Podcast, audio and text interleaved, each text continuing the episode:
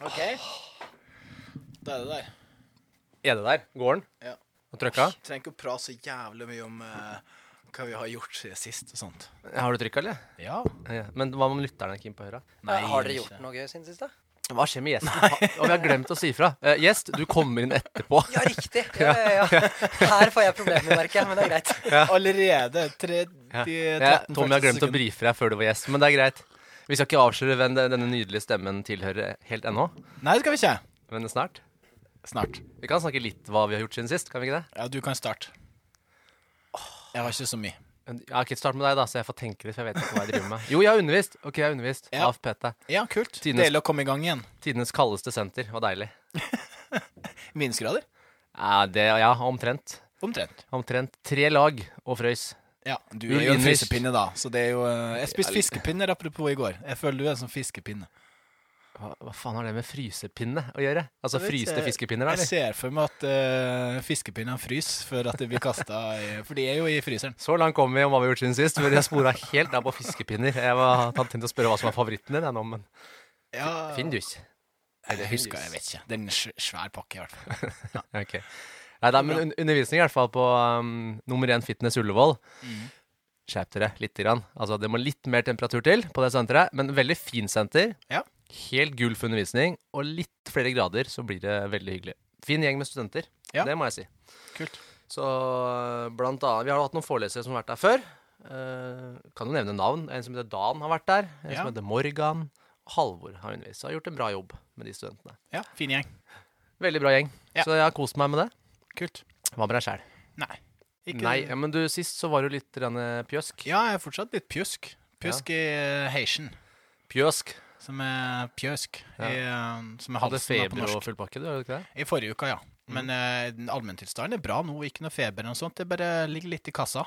Så jeg ligger, føler jeg driver og veser, og så lenge jeg får puls over 70, så føler jeg det er et eller annet som skjer nedi brøstet. Det er irri- Du må nok eh, ned på inn på Myrens Myren og pumpe på apparater, tenker jeg. Nei, fremtiden. Nei, fy faen, jeg gidder ikke det. Vi har kjøpt oss apparater på CrossFiten nå. også. nå Ja, det veit jeg. Mm. Når skjer dette? Eh, Det har skjedd. Så vi har jo, vi har jo fått buen. Vi har jo åpna nytt. Har dere- vi, har ikke, vi har ikke offisielt åpna. Du har ikke invitert meg til å se på det her. Jeg visste ikke at dere hadde åpna. Det er ikke klart ennå. Å nei. Så i helga så ja, var vel kanskje en av de tingene. Drev og så på at uh, de fra ATA uh, satte opp uh, apparater og lagd gulv. Så nå blir dere et apparatsenter i tillegg til å være crossfit-senter? Jeg tror vi skal mer og mer over på apparater, ja. Altså. Jaså? Nei, Ja, nå var det aktuelt å melde meg inn. Nei da, det er bare sånn tilleggsgreier. Så vi har en eh, etasje oppe. med- Hva, hva slags apparater er det her? Som vi kan Akkurat nå så har vi nedtrekk, og vi har sittende roing, og så um, noe GOD. Og så skal vi ha en legestation og lenkøl. Mm. Og så får vi se litt eh, Og en DAP har kommet. Beinpress? Så kryss DAP. Sånn eh, Ja, men skal dere ha beinpress? eh, Vi får se. Vi har kjøpt inn en beltskott. For jeg vet at det er flere som er medlem på Myrens ved siden av, altså hos oss, Mm. eh, for å trene sittende roing og beinpress. Nei, det er sant. Nei, vi kjørte uh, beltskotten i Ja. stedet. Så får vi heller se om Ja, det er eh, nydelig. Mm. Så den, eh, den blir bra. Kult. Bra ekstratilbud altså til medlemmene. Ja. Mm. Jeg tenker at eh, det er fint å ha, ha muligheten til det. Ja, og i hvert fall når du blir skada i ny og ne, så kan det være greit å ha noe annet å trene. ja, Helt riktig. OK, skal vi uh, fyre løs? Det kan vi gjøre. Jeg har ikke headset i dag, så du får si fra hvis det er litt rart med mikken. Bare Ja, sier det så litt. Du er generelt litt eh, rar. Men uh, det her går bra. Uh, Men kan jeg få skryte litt, da? Jeg følte jeg hadde progresjon med Oliver i dag. Ja! Han var ikke redd Det er første gang han ikke har grinet inn og sett meg. Han er redd meg og onkelen sin, er det det? Uh, ja, du, onkelen og eh, litt vaskemaskiner, og så Fy faen, Tenk å bli stø- støv- Støvsugeren, og så den her nuppefjerneren. Det er dere. Nuppefjerneren kan jeg gå med på, den er grei. Ja, Men vaskemaskinen syns jeg er litt kjipt. Men eh, Men i dag lot han meg holde den. det vet vi Han grein trening. ikke, ja. ja, og vi kunne leke med bil. Og han til og med sa litt. Ja. Ja. Brr, heter det det. Ja, noe sånt. Ja. Så okay. jeg, ja, bra. Så jeg er egentlig ganske fornøyd. Jeg er i modus. Jeg er klar for å ta inn en gjest. Det er Stille masse spørsmål. Jeg òg. Vi skal få plukka. Det her er jo en reflektert, eh, smart eh, fyr som har vært lenge i gamet. Vært personlig trener i mange mange år og forelest og undervist for PT-studenter i tillegg. La oss ikke røpe alt nå, Tommy. Nei, vi må jo kanskje ikke det. Jeg har jo en eh, 90 minutters eh, intro først etterpå uansett. Så Tradisjonen tro. ja, tradisjon tro. Nei, men vi trudeluterer. Trudeluterer vi. Ja. Yes.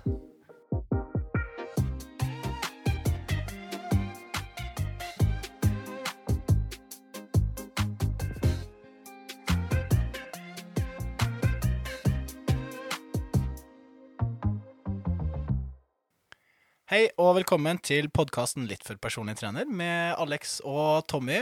Spennende og celeber og uh, Troikanes uh, gjest i dag. Ja, og så går den introen din bare fortere og fortere for hver gang. Så det? Ja. Så ofte nå... Men jeg var så ivrig på å komme i gang. Jeg setter Vi- vi liksom introen din når jeg redigerer på 0,5 hastighet. Men eh, du skal få lov å introdusere Trojanes, du. Ja, velkommen Dan Skjolden.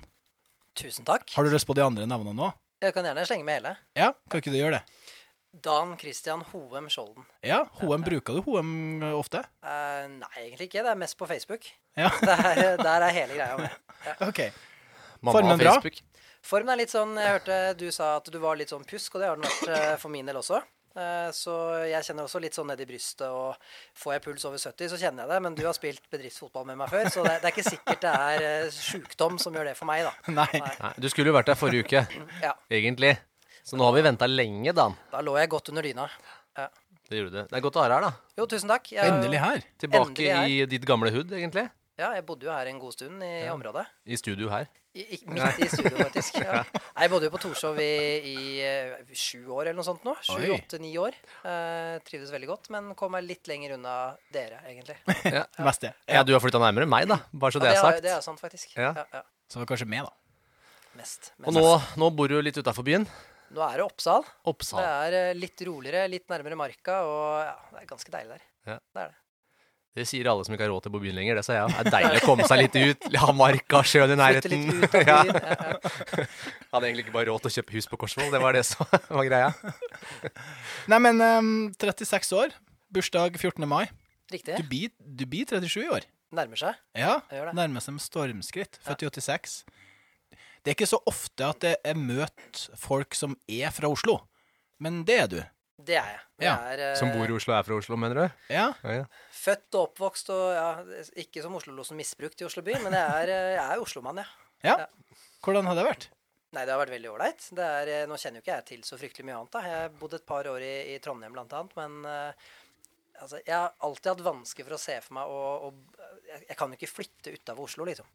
Selv om det har begynt nå med årene å åpne seg en mulighet for at det, det, det, det finnes jo folk som har det ålreit der òg. Ja. Men eh, ja, nei, jeg er Oslo, mann, Trives med det. ja, for du er gift med ei fra litt lenger opp i nord. Det blir Ja. ikke flytning opp der og få litt skattefritak og litt sånt? Nei, jeg tror nok ikke det. Ikke, ikke med det første, i hvert fall. Kunne jo vært en idé sånn med tanke på businessmodellen du holder på med nå, da, som vi skal snakke litt om i dag. Ja, altså On det kunne jo online. Internett går vel også opp i Nord-Norge. Jeg tror de fikk modem, eh, modem der oppe nå, faktisk. Det er sånn det var. Ja. Men en kjapp ting som jeg bare så, og som jeg aldri egentlig har eh, hørt om, det er at du har vært uh, utvekslingsstudent i Berkeley. Har du det? Ja, det er jeg. Ja. Hvor tid var det? Uh, jeg tror det var 2009. Ja, det er helt riktig. 2009, ja. Ja. Hva, høsten, så et halvt år, var det det var? Ja, så jeg var der fra august, tidlig august så til Jeg tror jeg dro hjem lille julaften, jeg. Ja. Hva gjorde du der? Studerte sosiologi Ja. og festa. Hadde du dreads og surfa samtidig da? Nei, av, Altså, hadde du hår? av naturlige årsaker så hadde jeg ikke muligheten til dreads, da. Nei, ok. men, Men jeg hadde litt hår. Det hadde jeg. Du hadde litt hår. Så jeg husker faktisk når vi var der altså jeg må jo si, Det var ikke studiene som var i, i førersetet. Det var det ikke.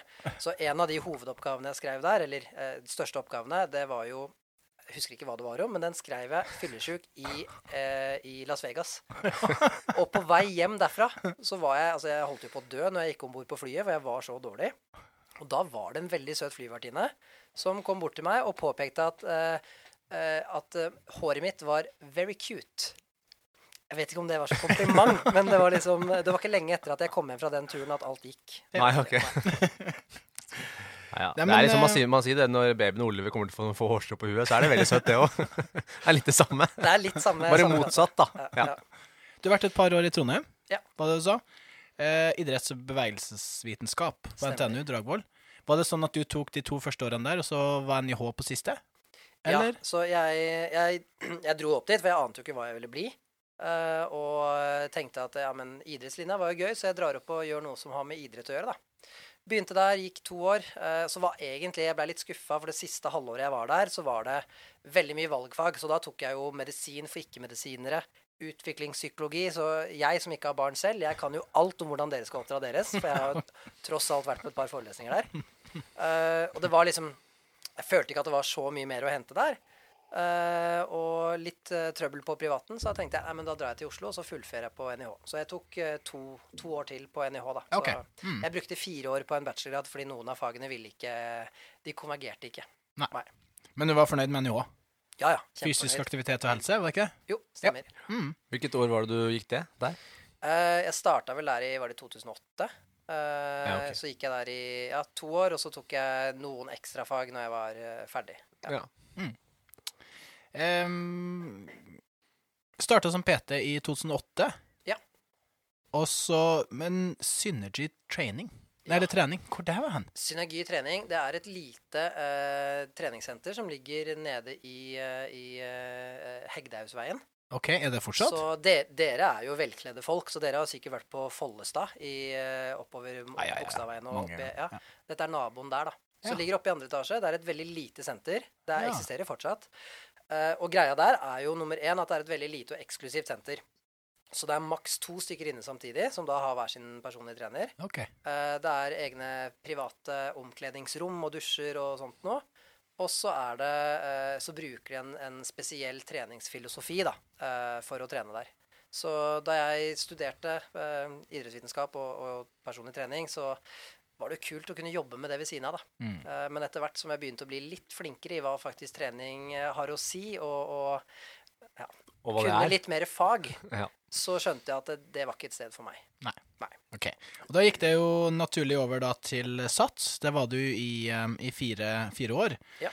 Eh, og så var det nye eventyr, og da ble det jo sterk. Og der var du òg PT-ansvarlig. Det var du jo i sju hele år. Og nå er det da EVO Fitness for alle penger. I tillegg til det du gjør ved siden av, da, med både online oppfølging og det med, med forelesning. Hva Fortell litt om denne eh, gangen i, i systemet. Nei, altså, For det første så skulle jeg jo aldri bli PT.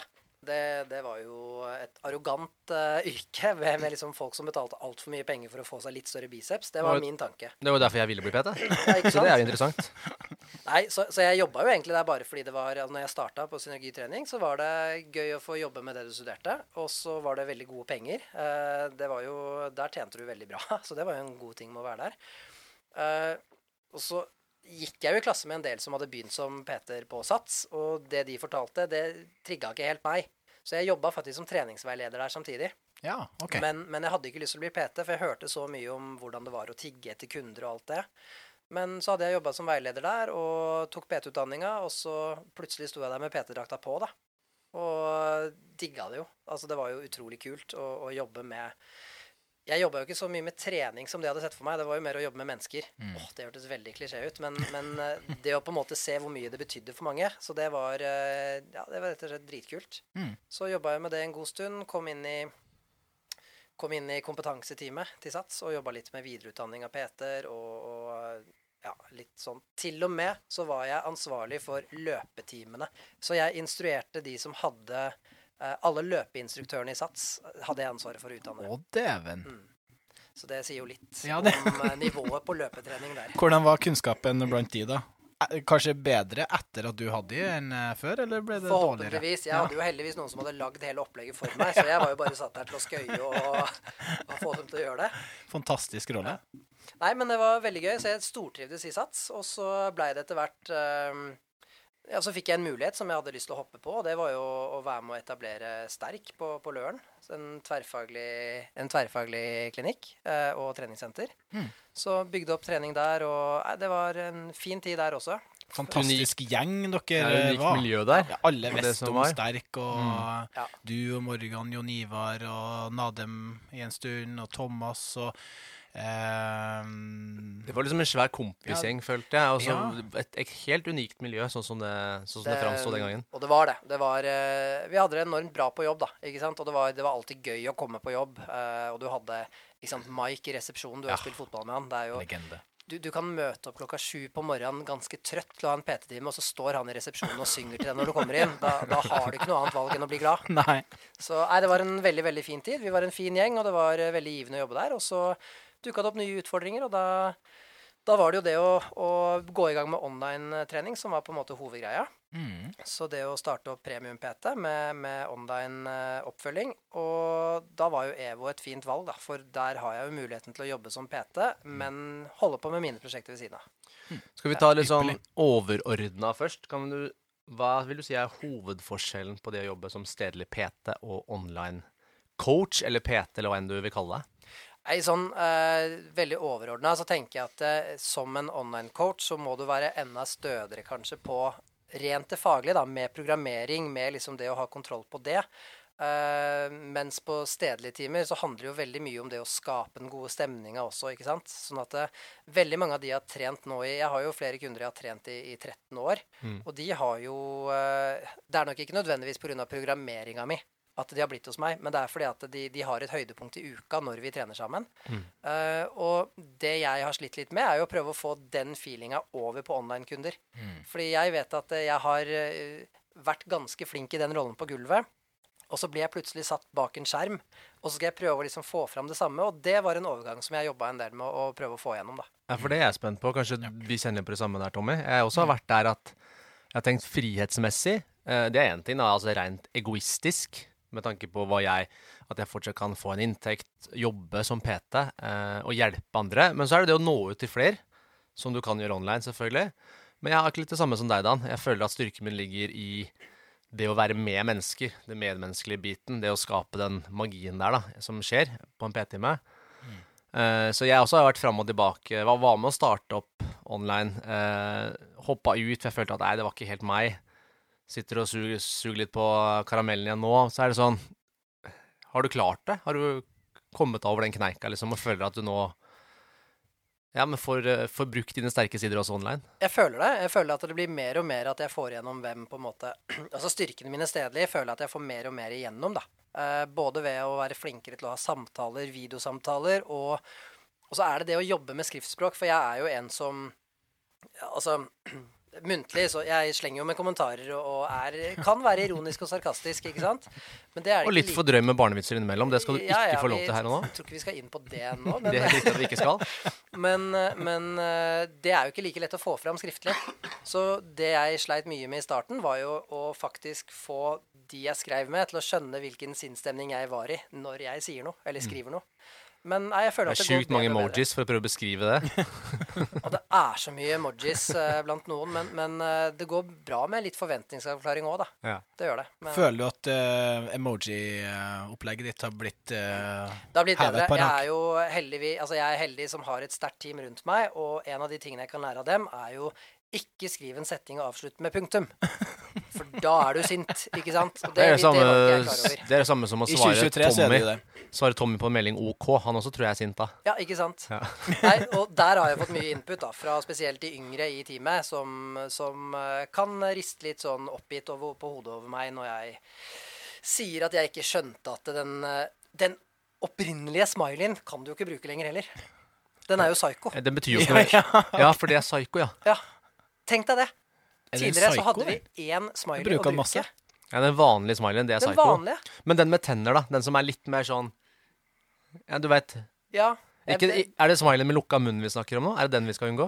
Ja, altså ifølge de som på en måte kan smiley-gamet for ja, de som er yngre, så skal du unngå den vanlige smiley. Ja, Og det med munnen lukka, bare så jeg ja, klar, vet det. Den, eh, og jeg, jeg, har prøvd å sette meg inn i det, for jeg har jo ikke skjønt det. ikke sant? Fordi For meg så er jo det Det betyr jo lykke. Det er jo en, er jo en smiley. Det er jo en smiley. ja. men, men, hvis du ser på den, så ser du at den er litt sånn tom i blikket, men allikevel smiler mye. Så jeg kan skjønne hvorfor de har fått et forvrengt bilde om at den er psycho, men uh, den er ikke... bare normalt glad i mine øyne skal man ikke si at de har retta. Du vet, de Kidsa i dag de har også gjort om betydninga av ordet bjørnetjeneste. Ja, Det er det, ja. Det betyr bare en stor tjeneste. Ja, ok. Ja. Jeg tok opp der jeg underviste, skjønner du, når det var noen eldre og noen yngre. Og da ble det full clinch. Og da spurte jeg de hadde yngre sånn Ja, men hva legger du i ordet bjørnetjeneste? Jo, det er en kjempestor tjeneste. så det er jo Ja. Så smiley, folkens, med munn lukka, det, det betyr psycho. Da, det er Ja. Ja. Rett og slett. Hva vil du si er positivt med online treningsoppfølging? Det jeg syns er veldig positivt med det, er at eh, nå, nå, vet ikke jeg om det er fordi jeg ikke var like sterk på det når jeg hadde stedlige timer, men jeg er blitt veldig mye flinkere til å følge opp kunder gjennom hele hverdagen deres. da. Mm. Så eh, det er jo en forventning om at vi har kontakt i løpet av uka. Så nå er det ikke lenger at jeg møter på onsdag liksom, ja, hvordan har det gått siden sist? Nå, nå ser jeg jo det hele veien. Så jeg kan jo logge inn og se ok, greit, du skulle ha en trening på onsdag klokka ett. Hvordan gikk det? Så jeg, jeg mm. får jo live-oppdateringene når jeg vil gå inn og se. Nå sitter jo ikke jeg og følger med 24-7. Fordi dere bruker en app som, som de loggfører absolutt alt de gjør i? Ja, Både trening og kost, eller? Ja, vi, De som velger trening og kosthold, de får jo oppfølging da på trening og kosthold. Og så er det jo andre ting også. ikke sant? Vi kan tracke søvn, vi kan legge inn vaner. Så jeg har jo noen som har beskjed gå en 20 minutters tur hver dag. Mm. Uh, så vi, vi, kan på en måte gjøre uh, ganske mye, da. Og det. Det gjør jo at vi får en, en, helt annen Altså vi kommer dypere på en måte med det, men vi mister kanskje litt av den der eh, skape den gode stemninga i ikke sant, Den gode følelsen man får av å møte folk. Da. Ja, så ser man jo ikke liksom den derre hvor folk er hen, som Nei. du gjør når de kommer på trening. Men hvis vi tenker hva, Ta det først, da. Hva, hva, koster en, hva koster en måneds oppfølging på Premium PT? Eh, hvis du skal ha en måned oppfølging på trening og kosthold, så er det 2,7 i måneden. 2,7. Og så sier vi at en PT med gjennomsnitt koster med oss 800-900. Ja, det begynner å dra seg opp mot 1000, altså. Ja, det kommer an på antall timer man kjøper. Men si 900 er bare for å finne en sånn mellomting. Noen eh, avhengig av nivå, da. Du kan jo få P-timer ned i 600 òg. Ja. Eh, men bare ta 900. Eh, ganger med fire, så er det 3,5. Så det litt, koster litt mindre. Og så sier du at du som, som trener da, kanskje ikke bruker fullt en hel time hver uke, men du sprer kanskje vet ikke, halvtime, 40 minutter per kunde utover uka, så at de får et litt, litt mer sånn drypp, blir det riktig å si? eller? At du kanskje ja. følger opp onsdagen hvis du skulle ha trent klokka ett. Så. Det er litt sånn forskjell fra kunde til kunde. sånn at det som på en måte er standarden med de som de jeg følger opp nå, da, så er det jo at uh, vi bruker jo en del tid i oppstarten med å gjøre kartlegging, med å ha en oppstartssamtale og med å på en måte uh, lage litt materiale med OK, dette er mine tanker for den fasen vi går inn i, og hvordan vi skal gå fram. Så det går jo en del tid i starten der på, på alle jeg starter opp med. Mm. Og så handler det jo om at eh, de får jo et program, og de registrerer jo alt de gjør. Uh, og hvis de har kostholdsoppfølging, så kan det gjerne typisk der er at de loggfører maten sin første uka. Eller lenger hvis det er behov for det. Uh, og da går jo jeg gjennom det uh, sammen med en ukesrapport som de legger inn hver søndag. Så sitter jeg på enten søndagen, men, men ofte så sitter jeg på mandag morgen og går gjennom da ukesrapporten, hvor det er typ hva gikk bra forrige uke? Hva var utfordrende? Hva kan du gjøre bedre? Er det noen, er det noen ting som skjer spesielt neste uke, osv.? Så, videre. så ut ifra ukesrapporten og alt jeg ser at de har logga, så gjør jeg justeringer for uka som kommer. Gir dem en tilbakemelding. Uh, og uh, så prøver vi regelmessig å ha noen korte samtaler. Så i dag skal jeg ha et par samtaler som blir på altså en telefonsamtale eller videosamtale på 10-15 minutter. Hvor det er litt prat om ok, greit, her er mine tanker om teknikken din på øvelsene. Og på hva du har hatt framgang på på kostholdet. da. Ja, For da har de filma øvelsene på trening, ja. og så har de sendt til deg? Riktig. Ja. Så noen får jo bare tilbakemelding i appen på liksom OK, greit, eh, veldig fin rumensk markløft, prøv å gå litt dypere og hold stanga litt tettere til kroppen. Men hvis det er andre ting, så kan vi gjerne også ta det på en samtale, hvor jeg enten kan vise på skjerm, eller ja. Så vi, vi gjør jo litt forskjellig. Det avhenger jo litt av hva kunden trenger. da. Mm. Har du eh, samtalemulighetene i det samme, det samme plattformen? Nei, så vi bruker Få det ut. Um, vi bruker andre plattformer for å ha en samtale med, men jeg kan legge inn video, um, videomeldinger kan jeg okay. legge inn i, i, appen, og lydmeldinger. Mm. Så, så, det gjør jeg jo også gjerne, hvis jeg skal forklare litt mer. Så når noen kunder f.eks. Um, begynner å diskutere litt om ok, greit, hvorfor går ikke Altså Hvis de veier seg regelmessig og de ser at vekta går litt opp og ned, så kan jeg legge inn en liten forklaring på på hvorfor det skjer, og, og snakke litt ut ifra hva jeg ser at de har gjort. da, ikke sant? Du hadde en sein intervalltrening i går kveld. Mm. Da vil du antageligvis ha en litt høyere vekt i morgen. Mm. Og det, det, liksom, det, er en god mulighet for å på en måte spare. og Jeg føler at det, de får en veldig mye bedre læring på en del ting enn når jeg har de stedlig, hvor det er litt mer forventa at ok, nå gjør vi jobben mens vi er her, så får du beskjed om hva du skal gjøre, du har lagd et program, men så snakkes vi ikke nødvendigvis da før vi møtes igjen. Mm. Det føler kanskje litt av utfordringa med akkurat det der. Det for din del å skal være strukturert nok, og det å skal ha sjøldisiplin nok til at OK, søndag eller mandag, du må sette av så og så mye tid. Eh, fordi du, du, har jo fysiske PT-timer, du har jo andre jobber, du har kanskje forelest hele helga i tillegg. Så, mm, så hvordan, hva er dine tanker rundt det? Syns du det er vanskelig? Og det krever jo mye mer av akkurat det du sier, da. Det krever mye mer struktur. Mm. Det gjør det. Og det har jo på en måte vært min svakeste side. Så jeg har jo vært den at eh, hvis noen har sendt meg en melding klokka fire og spurt kan vi ha en PT-time klokka fem, så er ikke det noe problem. For dere også som har jobba lenge på Vi klarer å komme opp med en time som passer inn i hva de skal gjøre på relativt kort tid. Eh, så improviseringa er jeg god på der. Men når det handler om å ok, nå må jeg faktisk sette meg ned og gjøre jobben, der sliter jeg. Så det er jo noe av det jeg har jobba mest med for å faktisk få det til. da. Og det ser jeg jo, jeg starta jo opp egentlig med en tanke om at jeg bare skulle ha en tre-fire kunder. Og så ser jeg jo at når det kom inn, og jeg har fått en Jeg har jo et sterkt team rundt meg, så vi sparer jo. Og så har jeg jo en fantastisk kone som er daglig leder, og som bygger alt av systemene. Og fordi jeg har støtte i dem, så har jeg blitt flinkere på systemer. De har lagd en del ting som jeg drar nytte av. Jeg lager ting som de drar nytte av. Så nå bruker jeg jo mindre tid på alt av det administrative som jeg før kunne sitte en time og bare tenke ah. Eh, men, men det er klart, sånn som nå, så skal jo jeg faktisk ha undervisning på det kalde senteret du snakka om i stad. Stemmer det. eh, I helgen. Så da veit jeg at mandagen blir tøff nå. For nå er det en intensiv helg med, med undervisning. Så jeg rekker ikke å se så mye på kundene mine i, på søndagen. Og da må jeg gjøre alt på mandagen. Og da starter jeg klokka seks om morgenen, tenker jeg. Sitter med en kopp kaffe. Jobber fram til jeg har noen PT-timer på ettermiddagen. Ja. Ja. OK. Da skal jeg lansere en helt sinnssyk idé. Fordi at eh, Åh, nå er jeg kjempespent. Ja, du er det?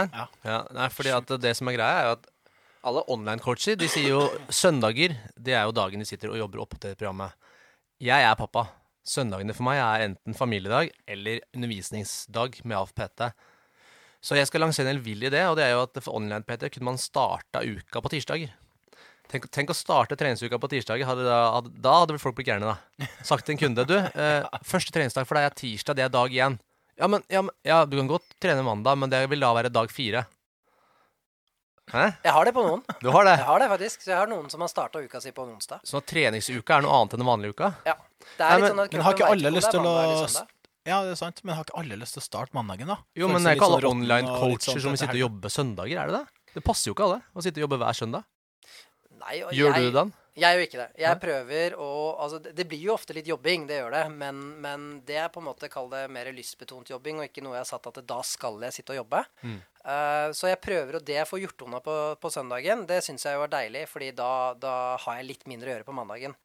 Men eh, jeg, jeg syns på en måte at veldig mange i bransjen har litt for høy tendens til å snakke om hvor mye de jobber, da. Ikke sant? Det er jo sånn de, de legger jo ut at de sitter med online-coaching i bilen på vei til Sverige, og at de sitter oppi et tre i skogen og jobber med online-coaching. Det ja. Det er blitt en nye greie å skryte av. Hvor mye hvor jobber du med? Hvor mye man jobber. Og det som er kult da ikke sant? Noen av dem har jo hatt en prat med fordi de har vært interessert i å komme inn til oss. Og spør ja, hvor mange har du da? Fire kunder. Fire kunder! Og du er nødt til å sitte i bilen og jobbe? Hva- Det er noe mer markedsføre og branding. Altså prøve å vise Jeg kunne jo gjerne gått ut og inn fra Myrens Jeg hadde to PT-kunder i løpet av en dag, men så filmer jeg at jeg er på vei til ny kunde åtte ganger i løpet av dagen. Jeg kunne gjort det, jeg òg. Ja, men, men det er litt der, og der er det blitt en veldig Det har liksom blitt en etablert sannhet at ja, søndag er for online-coaching. Og, og for noen så passer jo det bra, da. Men jeg er jo veldig Det har vært, det har vært et av mine største mål de siste årene. Det har vært derfor jeg også blant annet har gått mer og mer, on, mer inn online. Og det er at jeg skal ha et liv utenom. For jeg har uh, jobba i mange år som PT, og jeg har jobba alle de ugunstige tidspunktene som fins som PT. Og vært stolt av å ha 10-12-timersdager med kunder på rappen hele veien. Men det er liksom Det er begrensa hva det gir utenom den følelsen på jobb, da. Så for meg så er det viktig å kunne faktisk ha Jeg, jeg har blitt gammel, så jeg har blitt mer og mer glad i den der rolige frokosten på søndager. Og vite at det, i dag er det ingenting jeg må gjøre. Det, så for meg så er det viktig. Deilig. Har dere eh, Jeg tipper at det her sprer seg mm, mye utover hele landet. Eh, Har dere både litt folk fra de større byene og litt distrikt? Ja, det har vi. Så vi har, eh, vi Har du kunder fra Brønnøysund, lurer Tommy på? Du vet du hva, jeg tror faktisk vi har en. Oi! Ja, jeg tror faktisk vi har en. Fantastisk. Jeg har jo, I og med at jeg sitter som PT-ansvarlig der, så har jeg ganske god oversikt over veldig mange av kundene. Uh, og jeg mener å huske at vi har en fra Brønnøysund, altså. Så bra. Mm. Og det sprer seg fra helt opp i nord og helt uh, ned i sør? Ja, Og helt vest, òg. Ja. Vest òg? Vest også. Vest også. Ja, det er kult. Ja. For det er jo det som fort kan være eh, det positive rundt eh, online trening. Det å skal nå ut til folk som kanskje ikke har den kunnskapen eller den kapasiteten på, på stedet de bor. Yes. Og der, en, en kul case som vi hadde der, var jo en dame som bodde og dreiv en fjellgård. Eh, bortover på Vestlandet et eller annet sted. Og, og som hun sa, da, ikke sant? Ja, ja, jeg har muligheten å dra på treningssenter. Da kjører jeg i to og en halv time. Og da var det sånn ja, Kanskje vi skal legge opp et opplegg med hjemmetrening i stedet. Det er bare som bort i butikken, da. Nei, så, så, så, og det er litt kult at vi Det er ikke noe Og det jo Det er jo godt for meg også med at jeg har jo en del kunder som jeg tidligere fulgte opp, men som har flytta, f.eks. Mm. Men i stedet for at da ha det bra, vi ses aldri igjen, så har man jo muligheten til å holde kontakten og følge opp videre online. Ja, fortsette treninga. Og der er du inne på en ting, da. Nå vet jo ikke jeg bakgrunnen til hun dama som trente på gården. Nei. Men en ting som vi har diskutert litt òg, og som, som jeg lurer veldig på, er jo at når man ser på online coaching, så ser du stort sett sixpack, rumper og biceps. Eh, og de det er lettest å nå, er jo sånne som oss, egentlig. Jeg har brukt online coach selv mange ganger. Det er veldig enkelt. Jeg behøver i utgangspunktet ikke en stedlig PT. Jeg har hatt det òg. Jeg har hatt PT-timer eh, hos andre. Men jeg er såpass jeg skal kalle det dedikert til det jeg driver med, så jeg kan gå på trening og følge et program. Så følger jeg da programmet i fire uker, og så skifter jeg jo. Det er jo sånn det er. Men, eh, eh, så det er veldig lett å nå ut til folk som allerede er interessert i trening, er godt trent, og så prater vi om folkehelse i AFPT. Så det er jo spørsmålet mitt til deg, Dan. Når dere ut til disse menneskene som ikke allerede er veldig inn i trening, og eventuelt hva skal til for å nå de online? Nei, Til spørsmålet om vi når ut til dem, så gjør vi det, men absolutt ikke i nærheten av hvor mye vi vil. Og der er det jo, du er jo inne på et egentlig et av de, En av de tingene som driver oss veldig, er jo det at eh, 70% av befolkninga er jo ikke nok aktive. Ikke sant? Det er, det er 18-20% av befolkninga som, som driver styrkerelatert trening to dager i uka. Det er jo altfor lite. Men ser man på hvordan online-aktører markedsfører seg, så er det jo som du sier, det er biceps, det er rumpe, det er bruk av formbilder og alt det, og det er vel og bra. Uh, og det når gjerne ut til de som allerede er opptatt av trening. Mm. Uh, og det jeg syns er litt interessant der og kult, da, det er jo sånn som nå i helgen skal jeg ha oppstartskullet. Og da kommer vi til å dra gjennom ok, hvem er du, og hvorfor velger du å ta PT-utdanninga. Og jeg gleder meg til å høre alle som sier jeg brenner for helse. Jeg brenner for å gjøre en forskjell for folk. For å liksom ta tak i helseproblemer. Og, og så går det noen måneder etter PT-utdanninga, og så ser man at uh, veldig mange av de som har sittet og sagt de tingene, det er de som ender opp med å bruke 50 av tida si på å bli ambassadører for Gymshark og andre ting der, og jobbe med å nå ut til akkurat de samme personene som ser ut som dem. da. Så, så det er eh, typisk unge folk som når ut til unge, allerede godt trente folk. Og de trenger jo også noen som tar vare på dem. Men jeg mener jo at bransjen har en stor vei å gå når det kommer til å nå ut til de vi virkelig vil nå ut til, og, og virkelig trenger å nå ut til. Mm. Eh, om vi når godt nok ut til dem, det gjør vi ikke. Men vi prøver. Ja, dere retta jo mye av markedsføringa deres mot eh, den, eh, den gruppa der, og det er jo helt fantastisk å, å se. At eh, alt trenger ikke bare være formbilder og allerede oppsvulma biceps og triceps og hele pakka. Og bare ha den her folke, folkehelseperspektivet og det her med, ja, med helsa generelt. Og det er det vi prøver på. Og så er det jo en utfordring, da. Ikke sant? Nummer én så har vi tatt et valg. Vi, vi har ikke lyst til å bruke formbilder i markedsføringa. Så jeg har jo kunder som tar formbilder for at vi skal se framgang. Men de har fått et løfte fra oss om at det skal vi aldri spørre dem om å bruke ut. Fordi vi vet at hvor lett det kan bli manipulert bare med lyssetting, ikke sant.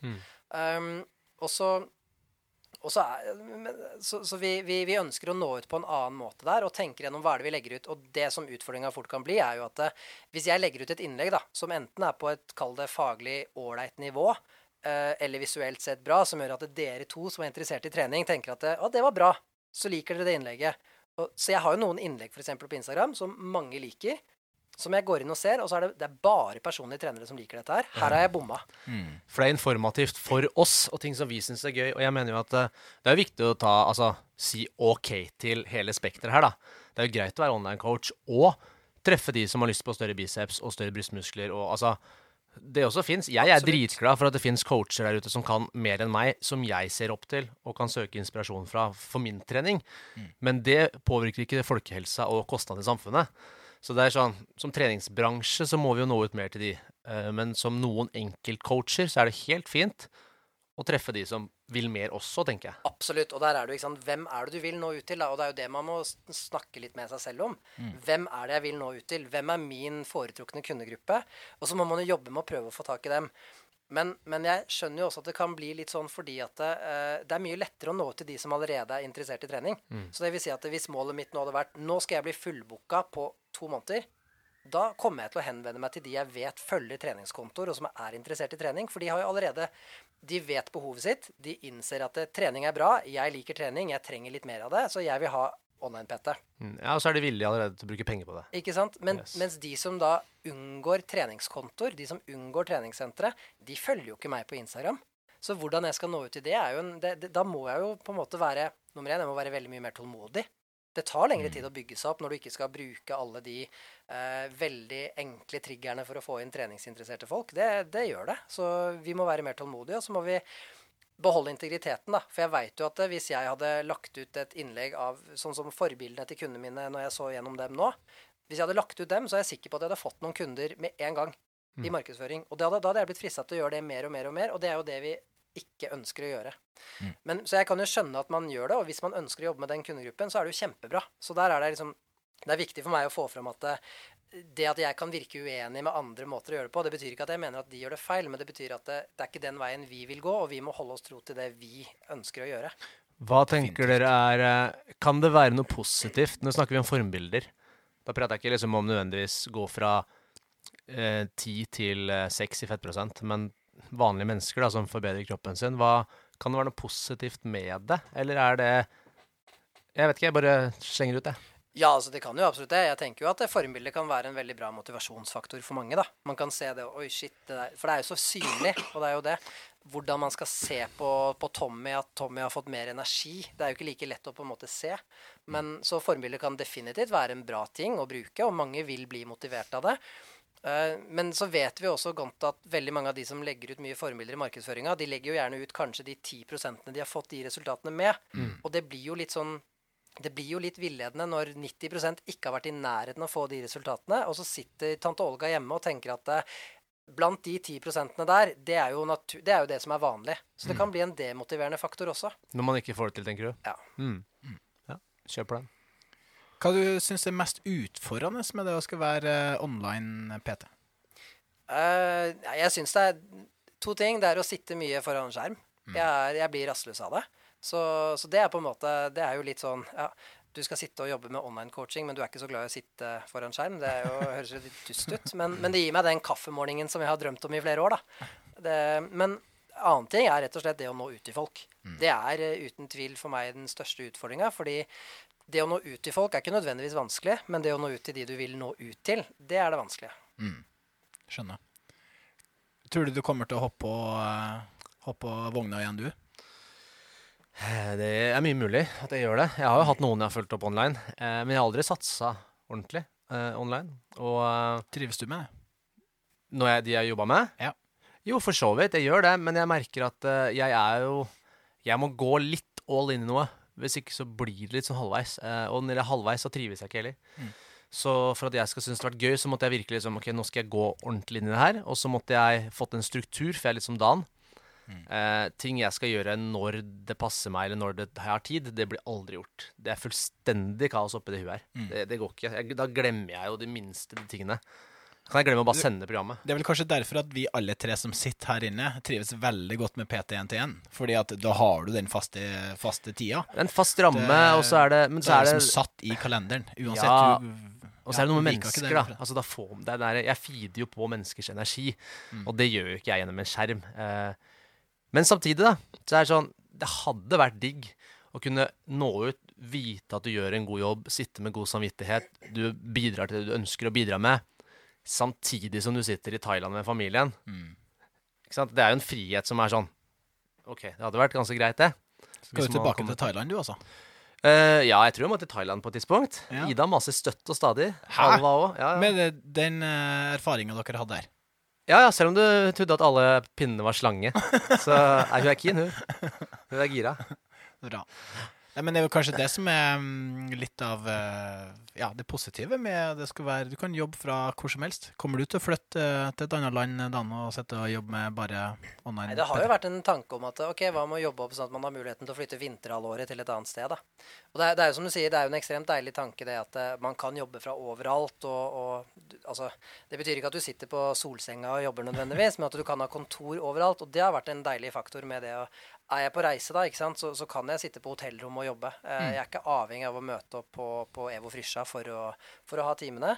Eh, og det jeg tenker der også, er jo at det er veldig deilig for kundene. Fordi de får jo den friheten med at når de er på ferie, så kan de fortsatt få oppfølging. Når jeg er på ferie, kan de fortsatt få oppfølging. Jeg satt jo på bryllupsreisen min og fulgte opp noen. Ikke fullt hele veien. Da var det liksom forståelse for at det, nå blir det litt redusert oppfølging fra meg. Men, men jeg hadde muligheten til å beholde jobben og følge opp kunder over sommeren. Og det jeg merka der, er jo at det er jo egentlig første sommeren jeg har gjort det veldig mye. Og da, det var en helt annen flyt på de kundene som da var i gang i løpet av sommeren når august kom igjen. da. Mm. For veldig mange sliter jo nøtt, nettopp med det med kontinuiteten. Mm. Uh, så det at de da har meg til å kunne sende en melding innimellom Så for kundenes del så er det veldig deilig å ha den friheten. Og for meg så er jo også det ganske godt at jeg kan ha en rolig morgen hjemme. At jeg kan sitte på ferie eh, et eller annet sted og, og jobbe litt også. Men tar du fri, da? Tar du ferie? Jeg tar ferie, ja. Ja. Det gjør jeg. Ja, ja. du sier fra til kundene, hva gjør du da? Fryser du betalingen Nei, deres, det er litt hvordan sånn, litt sånn uh, avhengig av hva kunden ønsker. Noen i løpet av sommeren nå, så var det noen som da vi var enige om at nå fryser vi det. For nå er det Nå, nå ville ikke de ha noe særlig oppfølging. Jeg skulle ha en del ferie. Mens andre så var det ok, greit, nå har jeg lagt inn programmet for sommeren. Mm. Jeg kommer til å sjekke inn eh, to-tre dager i uka bare for å sjekke om det er noe. Men vi roer litt ned. Og mange av de jeg fulgte opp, syntes jo det også var litt deilig, da. Mm. De syntes det var litt deilig å få litt mer fri, men allikevel ha en, en liten oppfølging på Ja, og det var ikke så mye kanskje som skulle til fra din side heller. For det er noe med det å Jeg tenkte på det, at jeg syns det er digg når jeg har fri. Når du er, når du er fysisk PT, når du har ferie, da har du ferie. Altså Da er du helt off, for du får ikke gjort noe. Du kan sende meldinger til kunder, for så vidt, men, eh, men du Men mange av de kundene er jo sikkert på ferie, de òg. Og de har sikkert et hjemmetreningsprogram eller noe Mm. de kan, kan gjøre på, på ferien. Enten i utlandet eller på hytta eller hvor det, hvor Hva det hvis du er sjuk, da? Hvordan sjukmelder du deg?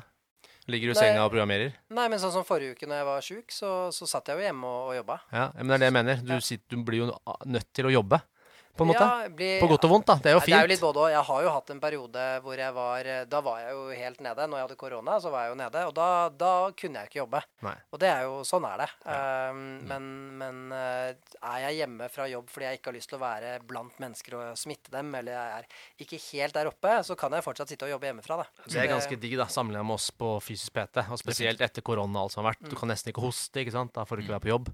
Folk er redde for å bli smitta. Og folk kan ikke betale deg 900 spenn heller for at du står og hoster dem i ansiktet. Men Nei. du kan godt hoste på skjermen så mye du vil, og folk får gjort det de skal med treninga. Kunne du ha livnært det på bare online trening?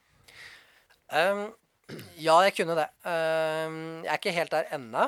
Nå er målet mitt at uh, jeg, jeg starta med liksom tre-fire kunder bare for, å, bare for å være litt der. Og så økte jeg. Så i fjor lå jeg på rundt tolv i, i måneden um, der. Sammen med da PT-teamet fysisk. Uh, nå ønsker jeg å ligge på rundt 20. Uh, men målet mitt er jo egentlig at når, Nå snakker vi pers.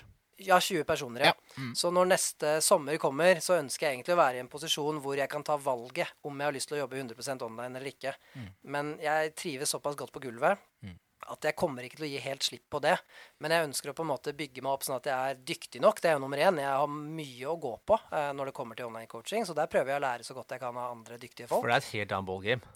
det er et annet ballgame, og det er så mange ting som du kan gjøre. Og det er jo det som på en måte har Det har jo åpna en verden med at det, det er så mye du kan gjøre. Og det liker jeg, for jeg føler at det, Altså, vi foreleser jo alle sammen for AFPT. Og jeg føler at jeg får brukt mye mer av den jobben også, egentlig, når jeg jobber som online-coach. da. Fordi at det, det, jeg gir ut informasjonsskriv, vi har kanskje webinarer og, gå, og forklarer mer ting. Um, og det syns jeg er veldig gøy. Men nei, så målet mitt er egentlig at jeg skal bygge meg opp såpass at jeg kunne ha gått fulltid online hvis jeg ville det når neste sommer kommer. Spennende. Jeg syns jo når vi allerede har det her inne, nå har vi snakka en del om online trening Jeg har litt lyst til å, å snakke litt om personlig trening òg. Én til én, og dine tanker og refleksjoner rundt det. Du er jo som sagt i innledninga en veldig reflektert og smart uh, fyr som har vært lenge i, uh, i gamet. Så du fikk den Eh, betalinga med, ja? vi jeg fikk det. Vi, vi, vi, Ble det blinka i vipsen her i stad. Men um, først og fremst, hva tror du skal til for at trening og PT skal komme på blå resept? Og tror du at det kommer til å skje?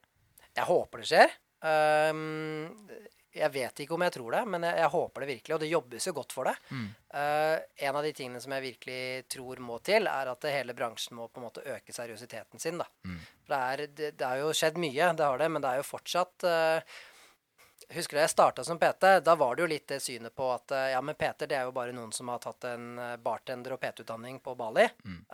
Og at det var på en måte folk gjorde det som en hobby. Og det er fortsatt litt det at jeg tror noen gjør det, at de, de jobber som PT fordi de liker trening selv, og så er det litt hobby. Eh, Men det blir flere og flere som virkelig går inn fulltid, og som er seriøse og har det som et yrke. Og det tror jeg virkelig må til for at andre skal få øynene opp for det òg, da. For vi er veldig flinke til å peke på oss selv og si at eh, du, vi er helsearbeidere, vi. Vi jobber med folkehelse osv. Men når du ser når pandemien kom, ikke sant? vi var blant de første som stengte ned, blant de siste som åpna opp. Og det tror jeg er mye fordi vi blir ikke tatt like seriøst som det vi føler at vi burde bli. Enig. Nei, det er kanskje Vi ser jo det her fra vårt ståsted, selvfølgelig, med våre briller hele tida. Og det, det Jeg blir liksom stadig overraska, egentlig, når jeg hører folk omtaler personlig trening som noe som du bare Å ja, når folk fortsatt kommer med det her utsagnet ja, Men kan du leve av det? Er det en ordentlig jobb? Eh, er du fulltid PT? Jeg blir fortsatt overraska, for vi lever jo bobla med andre trenere, med seriøse folk. Vi hører om økte krav fra store kjeder. Nå er det en årsenhet. eh, Vi har skapt en treårig utdannelse. Altså alle disse tingene her. Men det handler jo ikke bare om hva vi ser og syns. Det handler jo om egentlig hva hele Norges befolkning og hvordan de ser på det. Og det er klart, hvis de ser på det på den måten, så har vi jo også disse som bestemmer da, i landet. Da kan det være de ser på det på samme måte. Ja, og det, det er et godt poeng, for vi vet jo at internt så vet vi at det, det jobbes jo med å heve standarden i bransjen med både kompetansen på de som går ut, med opplæringa, med mottakerapparatene i forskjellige kjeder osv. Men det hjelper jo ikke, som du sier, da, hvis, hvis eh, resten av verden ikke ser det. Og der tror jeg vi har en vei å gå, altså. For det er eh, Det jeg syns var veldig interessant, det var jo når vi stengte ned, så var det veldig mange som begynte å rope opp om at Hei, PT må få lov til å jobbe. Vi er nødt til å komme oss på jobb igjen fordi vi er så viktige for folkehelsa. Og så går du tilbake og ser hva de har markedsført liksom like før. Sånn, det du har holdt på med der, er ikke folkehelse. Mm. Det er, ja, det, er- det er klart at det å trene er generelt bra, men, men det, det du har holdt på med, er ikke å fokusere på at helsa skal opp i Norge. Så, så det at man begynte å rope veldig høyt om folkehelsa, selv om det er ikke det man jobba med til vanlig, det, den syns jeg var litt eh, Ja, det var litt parodisk, syns jeg. Du har jobba som med personlig trener siden 2008. Det begynner å bli noen, eh, noen år, så, eh, år nå. Eh, Hvorfor tror du at folk liker å ha en personlig trener? Jeg tror en av de tingene som, som veldig mange setter pris på, det er at de kan overlate litt ansvar. Så det er litt sånn eh, Det at man slipper å ta alle avgjørelsene selv, da. Eh, for det er jo alltid mange tanker man kan ta. Og så er det liksom Hva skal jeg trene i dag? Skal jeg trene det eller det? Men jeg trenger ikke tenke på det, for Tommy har lagt opp hva jeg skal gjøre i dag. Gjerne med innspill fra meg, selvfølgelig.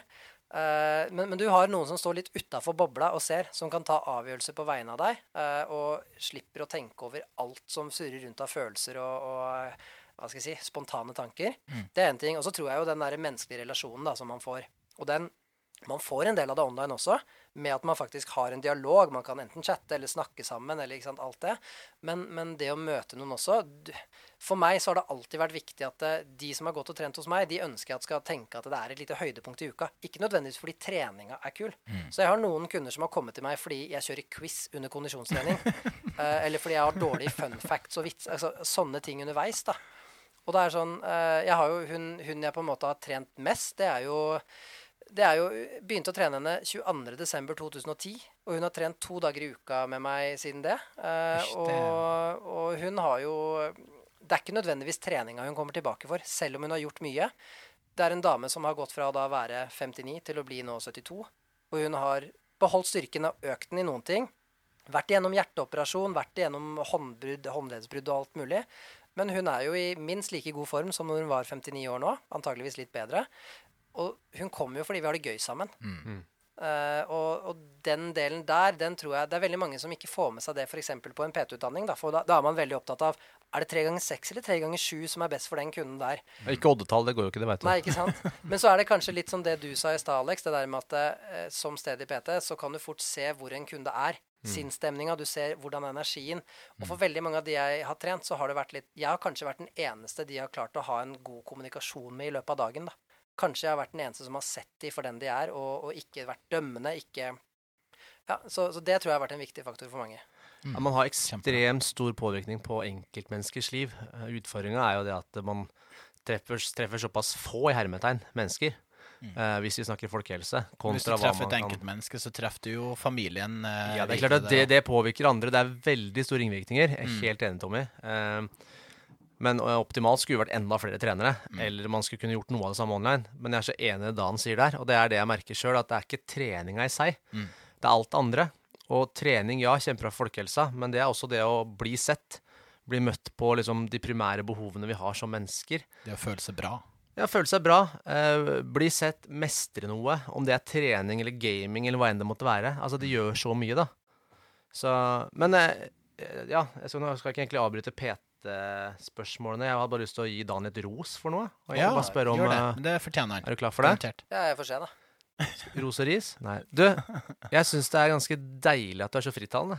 Det må jeg si. Ja, takk. Og Ja, så at du tør å Du tør jo å liksom stikke huet ut der og ta noen av disse kampene eh, som er litt skummelt, fordi man kan få litt skitt eh, slengt etter seg, og du tør liksom å kødde litt med, ja, med andre kanskje som også stikker huet fram.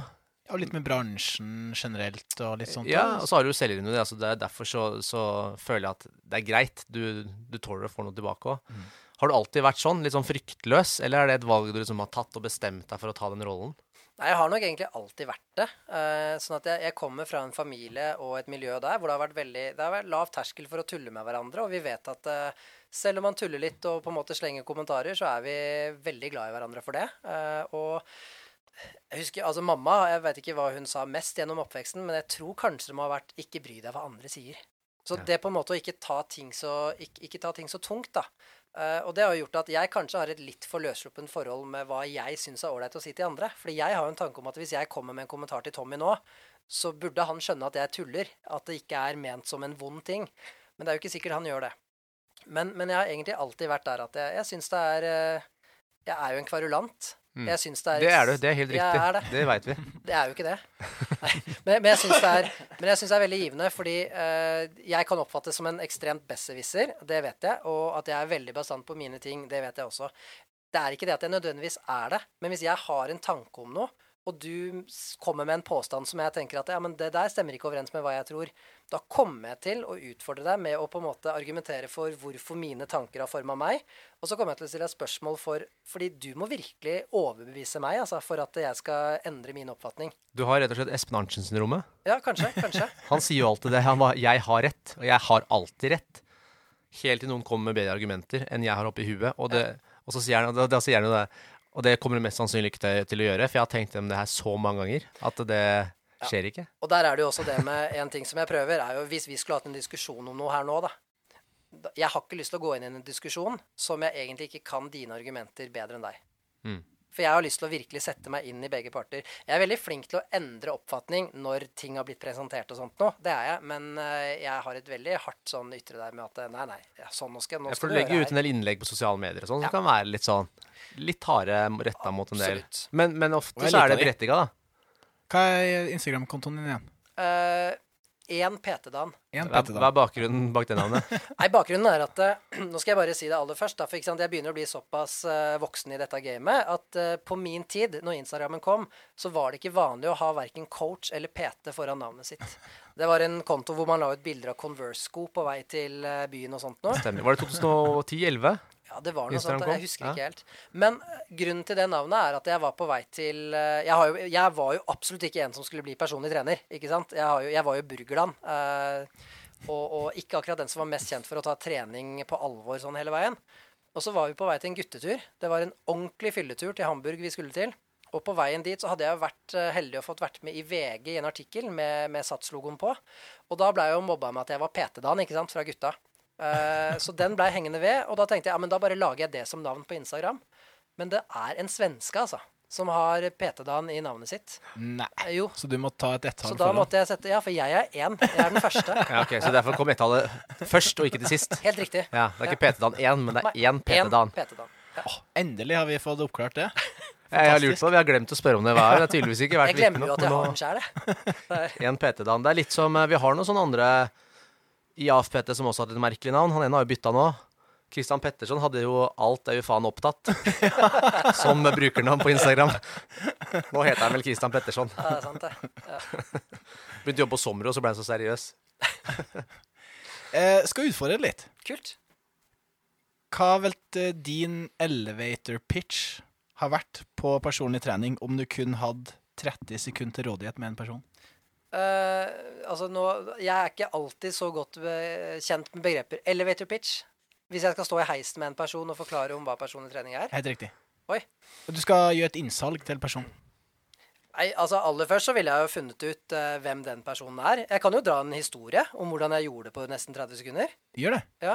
Uh, kjapt, kjapp bakgrunn, da. Det var jo at jeg jobba jo på Sterk, og så hadde vi PT-utdanning der. Og så um, står det to personer utafor Sterk og ser inn på, på hva vi holder på med der. Og da sier Daniel, som da var min mentor, bare sånn Sier til studentene Se nå, nå skal Daden gå ut, og så kommer han til å selge PT. Uh, og da gikk jeg ut, da. Og så prata jeg, og så kom hun inn, og så kjøpte hun tolv timer. Og sånn, Hva gjorde du nå? Og det som skjedde, det var at jeg gikk ut og sa Hei, du. Jeg, jeg jobber her. Jeg ser at dere titter litt inn. Er det noe dere lurer på? Ja, nei, vi lurte på hva som egentlig foregikk her inne. For vi, er, vi har akkurat flytta til området, og det ser ut som det er et treningssenter. Og det er jo veldig gøy. Så snakka vi bare veldig raskt om liksom, ja, men hva, hva jobber du med, spurte jeg henne. Hun var jo psykolog ikke sant, og jobba med traumer. Ja, spennende. Og så sier hun du, så kult at dere har et treningssenter her og med fysioterapeut og, og personlig trener. Jeg lurer på om jeg skal kjøpe en time av deg, fordi jeg, jeg har en skulder som er vond. Og da sa jeg til henne ja, men uh, det kan vi gjerne gjøre. Jeg vil bare si at uh, hvis du uh, ønsker oppfølging for å få den skulderen sterkere og mer robust til å tåle mer, så ville jeg anbefalt deg til å gå inn med en, en tanke om litt mer enn én time. Ja, nei, jeg vil bare ha én time. Ja, og det, det, er greit, men min erfaring er at det gjerne tar litt lengre tid før vi blir kjent, før vi på en måte kan finne riktig vei å gå osv. Ja, men jeg vil bare ha én time. Du, det er greit, men hva var det du jobba som igjen? Psykolog innen traumer? Ja. Hvis jeg hadde kommet til deg og sagt at du, jeg har et traume jeg sliter med. Jeg ønsker bare én time hos deg. Hva hadde du sagt da? Nei, da må vi nok ha flere timer. Det er det jeg sier til deg nå. Så da kjøpte hun tolv timer og fikk god hjelp før hun ble sendt videre og fikk enda bedre hjelp av en som var enda flinkere på skuldre enn meg. Ja. Dæven. Og etter det traumet så var du jo på besøk hos henne? Det traumet, det var oppdikta, altså. For det Fantastisk. Ja, Det var bra, den der. Meget bra. Ja. Har du solgt uh, PT bare, bare sånn Ja, jeg har faktisk det. Jeg har hatt noen sånne, sånne quick eh, sales eh, opp gjennom åra. Eh, men ofte så har det vært Stort sett så har det vært kunder jeg har hilst på, da. Altså i hvert fall sagt hei, vært på hei med. Men jeg husker Jeg er jo ganske sånn konkurranseinnstilt når jeg først kicker inn ting. Og da hadde vi noen PT-dag i Ski for mange mange år tilbake. Da husker jeg liksom om å gjøre å skulle slå noen budsjett, og det var konkurranse om hvem som solgte mest, og det var, det var jeg veldig på, da. Da husker jeg, var jeg, fikk jeg litt overtenning, så jeg bare gikk jeg rundt i studio så gikk jeg bare rett bort til folk så sa jeg, du, når skal vi begynne med PT? Er du klar i morgen? Er du klar i overmorgen? Altså, ordentlig irriterende støvsugerceller. Men eh, det var jo noen som sa nei, men det var faktisk flere som var sånn eh, Du, det har jeg tenkt litt på. Ja, men det er ikke noe vits å tenke, det er tilbud i dag. Så da stikker vi ned og fikser kontrakt, og så begynner vi neste uke. Så er du klar? Ja, det, det er jeg klar for. Men jeg gjorde det aldri sånn ellers, for jeg tenkte at så på har ikke jeg lyst til å være. Og jeg er jo ikke det til vanlig som eh, PT. Eh, men det var liksom en konkurranse. Men det funka jo. Det var jo veldig mange som satt på gjerdet uten at jeg visste om det. Så det, det å tørre det innimellom tror jeg kan være et sånt tips til, til en del. eh, Fordi at man er veldig redd for å være pushy når det kommer til å være PT. Ja, og det er jo det, er Og det skjønner jo, Jo, jeg skjønner det. Og det var jo grunnen til at jeg ikke ville bli PT. Selv om jeg studerte til å bli det, så hadde jeg ikke lyst til å, å bli det, fordi jeg hørte at så mange følte at de måtte pushe. Men, men eh, det som er liksom litt greit å ha i bakhodet, er jo at hvis du er på et treningssenter og jobber som personlig trener alle som er der, har jo en ting til felles. De er på et treningssenter. De har lyst til å få noe ut av treninga si. Så de er jo allerede interessert litt. Da. Så du er jo ikke en pushy støvsugerselger som banker på en tilfeldig dør. Men, men jeg ville slitt med å på en måte gå rett bort til en person i en heis og sagt hei, nå skal du høre hvorfor det er lurt å kjøpe PT. Så jeg ville jo definitivt ha prøvd å bli litt kjent med personen, så jeg kunne skjønt om hvorfor skal den personen trenge personlig trening. Da kunne jeg jo forma det litt mer. Jeg har forresten overraska et par stykker på en mandag òg. Nå møtte folk på byen, vet du, Tommy. Ja. Og da, vet du, det, da, skjer, da skal alle prate om trening og hva ja, jobber du med. Og så er det først litt sånne ting, og så begynner de å spørre om råd og tips. Og da husker jeg var litt sånn lei det. Så sa jeg sånn ene gangen jeg var ute, så sa jeg sånn Du, eh, vet du hva, det er, hvis du er seriøs, så fortsetter vi den praten her på mandag. Kan ikke jeg få nummeret ditt, så ringer jeg deg? Ja, ja, det var greit, du må ringe og Tok jeg opp telefonen og ringte på mandag. Da var det en del som ble ganske langt i maska. Man hadde ikke forventa det, da. Men det har jo, jeg har jo solgt på det før. Mm. Og så er det en del som har vært sånn Nei, nei det var nok litt fylleprat og ja. OK. Vi, eh, I forrige episode, eller eh, to episoder siden, så snakka vi mye, mye om det om um, det her med nyttårsforsetter, det å skal komme i gang med trening, det å skal klare å holde kontinuiteten i trening. Hva, hva er dine Gi meg dine topp tre til fem på, på hva er viktig å tenke på for å beholde kontinuiteten i treninga. Jeg tror at det, En ting som er viktig å tenke på, er at man må finne man må, man må klare å finne ut hva er realistisk. Og Da snakker jeg ikke om hva er realistisk å få til som i resultater, Men har du en, er du en travel småbarnsfar med hektisk jobb og alt mulig, så er kanskje ikke fem dager i uka veldig lurt. Så det å faktisk sette seg et lite realistisk mål, og kanskje få hjelp til å finne ut hvor lite er det som egentlig skal til for å få det utbyttet du vil, og starte der. Det er nummer én. Nummer to er det å finne noe som er litt ålreit. Og det er litt sånn Veldig mange syns jo ikke trening er ålreit i det hele tatt, men da handler det jo litt om å prøve å bli litt glad i prosessen, da. Det å faktisk delta ved å bli litt engasjert i prosessen, så man ikke bare drar for å trene og, og ikke er så interessert i det, men å sette seg litt ordentlig inn i hva man skal, og hvorfor. Da blir det plutselig veldig mye mer gøy å tracke framgang osv. Men jeg ville sagt finne noe som er realistisk å gjennomføre, eh, og starte der. Eh, det å faktisk engasjere seg i opplegget som blir lagt opp. Og så er det det å ikke stole på motivasjonen. Men å faktisk da innimellom måtte, eller veldig ofte, måtte dra fram disiplinen for å gjennomføre noe. Er Selvdisiplinbåndet. Representing. Ja. altså, jeg er ikke, jeg er ikke motivert for å stå og pusse tenna hver dag, men jeg gjør det. Det, er, eh, det ligger innarbeida i meg. Bra. Var det gode svar, Alex? Veldig gode svar. Mm. Er det du som durer baki her? Det er naboen vår. Nabo som durer. Ja, du, du, hør, du kan jo se for deg Nå sitter vi jo da ja, i hvert fall et par hundre meter unna, gjør vi ikke? Eh, Og vi bor 15 Nei, ikke det engang. 15 meter unna. Ja. Der vi har eh, stuevinduet. Så det rister jo hele Oliver sine første ord er Det er helt riktig. det er helt Hva er det han har hørt mest? Og det, vet du hva det kalles? Det kalles for spunting. Spunting. Spunting. Ja. Er dette brønnøysundsk, eller? Skulle nesten tro det. Hva dere gjør? Er vi spunta? Mye spunting, jeg. Ja. Så jeg har lært meg et nytt ord. Det er googlet Har du, vært på det. Rut, har du vært på Rutsen og spunta, Tommy? Det høres ut som de driver og graver seg ned til Kina. Så det er Hva helt, syns du om eh, eh, Tommy? Tommy, Tommy, å, Tommy. Hæ? Det er mange som har kommet bort til meg i det Du siste. så jeg bare- sendte deg med jeg kom ut? Ja, ja, ja, ja. Ja. Mange som har kommet bort til meg og sier at eh, jeg tenker på det når jeg hører den Nei, det er ikke så rart. De er jo De har jo tatt den ideen. De må ha hørt Tommy. podkasten vår.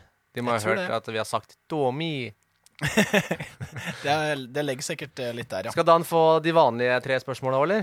Ja. Eller ikke tre spørsmål, da, men det vanlige Jeg tenker vi må ta en liten kjapp en først. En kjapp en? det, En liten kjapp en. Ok, Hvordan skal vi løse den En trioen i liten rommet? med Tommy Lande, Hvilken- hvilken, eh, hvilken rolle vil du ha, Da, vi har to sofaer, så vi må bare finne ut. Ok. Nei. Uh, Nei. sjokolade kald eller varm? Vi er der, ja. Sjokolade skal selvsagt være ikke varm, men romtemperatur. Alex? Kald. Kald. Takk. Mm. Hva er dine argumentasjoner for det, da? Nei, altså jeg er litt opptatt av å ikke bare høre på mine egne tanker, da, så jeg har jo satt meg inn i hva er det de som deltar i VM i konditorkunst og sjokolade gjør? De holder den i romtemperatur. Hva er det sjokoladeprodusentene selv sier? Den skal oppbevares i romtemperatur. Hvor er det sjokolade selges i butikken? Du vil jo gjerne ha en halvliter cola. Den vil du at skal være kald. Så hvor er det den står? I kjøleskapet. Ja. Sjokoladen, da. Eh, Noen av de kan vel stå i et kjøleskap? Men vet du hvorfor de ikke gjør det? Nei. Fordi eh, jeg tror det er fettstoffene i sjokoladen. De tåler ikke så godt når det er så kaldt, så de blir faktisk mindre holdbare av å være i kjøleskapet. Så selv om jeg skjønner at eh, jeg spiser sjokolade for konsistensen, jeg. Det, det skjønner jeg jo at dere er der, ikke sant?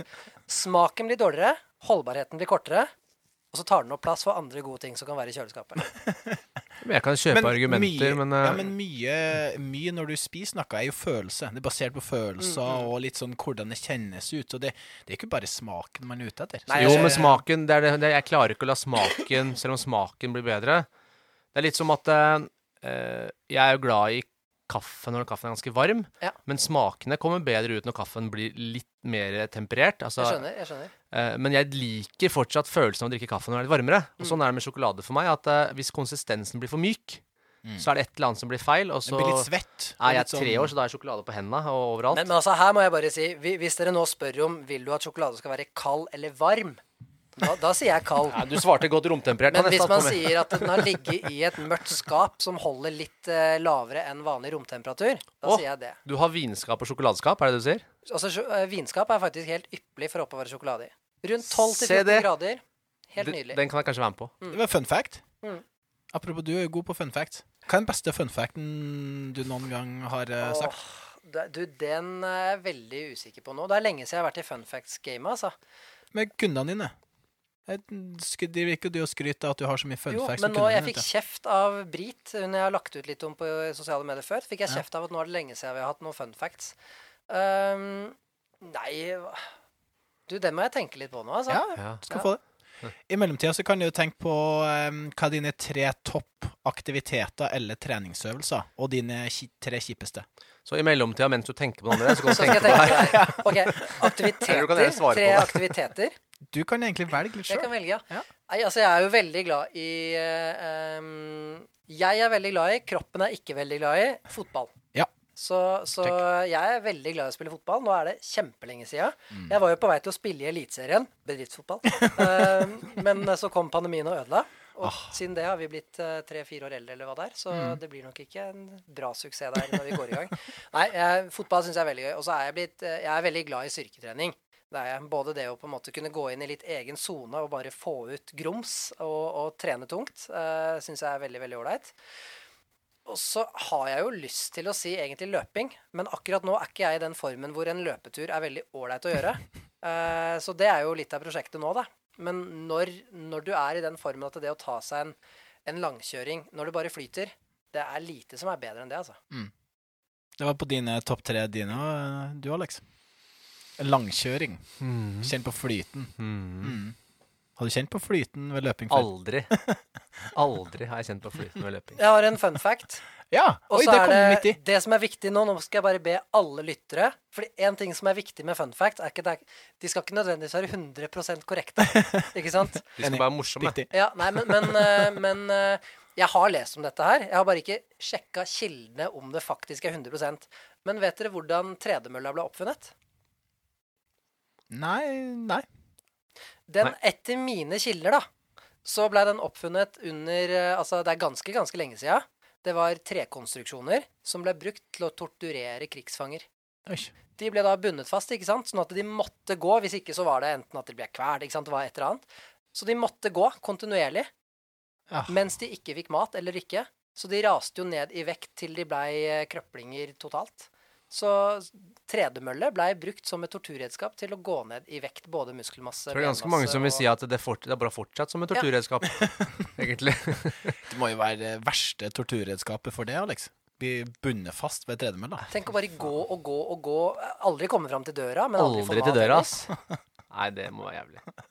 Nei, jeg gikk jo på tredemølla her på fredag, jeg. Gikk, ja. Jeg prøvde, å, jeg prøvde å se hvilken intensitet jeg kunne ha nesepust, for alle prater om det forbanna nesepust og trening. Alle. Gjør alle det. Alle gjør det. I, okay. min- i min Alle de du eh, hører Oral, på. nei, ikke Oral B, det er Pimplotion som snakker om det. ja, sorry. Jeg Ja, blander ja. de to. Eh, nei, jeg hørte Apropos det, jeg hørte Pølsa, og de hadde han på podkasten, og så hadde de en eh, øre-nese-hals-spesialist etterpå. Ja. Og han sa det var, hadde en del for seg. Så tenkte okay. jeg ok, jeg skal teste det ut. Hvis han sier det, så skal jeg prøve. Men det var ikke så høy intensitet. Jeg kunne jogge Jeg jogga vel på 7,5-8 i noen få minutter, og da klarte jeg ikke å puste med nesa. Nei. Så jeg har litt å gå på når det kommer nesepust. nesepust. Eh, du nevnte de tre beste. Kan ikke du ta de tre kjipeste òg?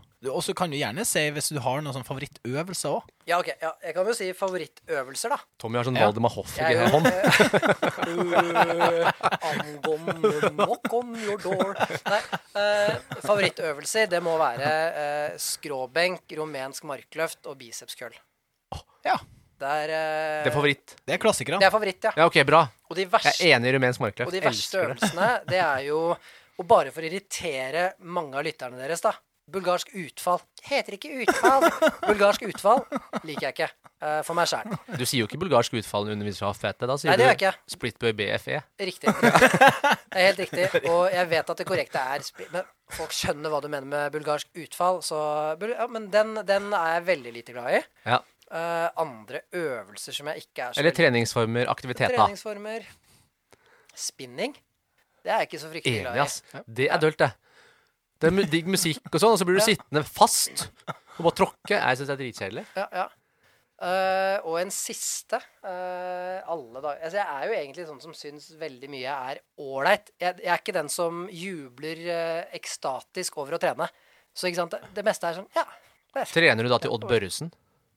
noen ganger har jeg gjort det. Ja, burde ha gjort det. Det er på en måte Det er ganske greit. Det er ikke helt hurra meg rundt. Nei. Og det er ikke helt sånn herre Å, herre min heller. Så jeg har i hvert fall to da som er på bunnen der. Nei, men vi, vi kan si at det holder, det, altså. Ja. Ja. Og så er jeg så glad når vi får gjester som bare med en gang tar referanser. Da blir jeg veldig, Åh. veldig glad. Hvem er det som Sånn- ikke tar Odd Børresen-referansen? Det kan jo være noen under 25 som hører på oss, som ikke tar den. Det, da har eh, barne, barneopplæringa svikta, altså. Nei, men uh, har vi kommet ved veis ende? Jeg syns jo det var en Du må jo eh, gå snart, så vi må jo det. Du snakka om at du skulle på noe Hva er det du Ja. skulle for noe? Frisøren? Jeg skal klippe meg, ja. Oi. Nede Hvordan- i byen. Skal du klippe for Jeg å så noe dekke til tjafsåret Ja, her. jeg så det begynner ganske langt. Fy faen, så jævlig. Uff, ta så Og over det. Men, men du, du snakker om at han frisøren du går til nå, har bedt deg om å ha det litt lenger for å dekke til altså- Toppen, tenkte du på? Ja. Lokket. Eh, ja, nei, men jeg, jeg elsker jo når folk kan bruke eh, kunnskapen sin og sin eh, rolle og si, sitt virke da, til å gi an, komme anbefalinger til andre. ja, det var det jeg prøvde når jeg fikk det jeg skulle, når du skal gå til en frisør, og så sett dem og spør det hvordan du vil ha det. Jeg. Jeg, jeg kommer jo til det her nå for at du skal fikse sånn at det her ser noenlunde OK ut. Det er ut. fint at de først spør, da. Og så, hvis du sier ja, du kan få bestemme. Ja, men ikke sånn der du skal bestemme, du skal bestemme. Nei, det er enig. jeg kommer til det her nå.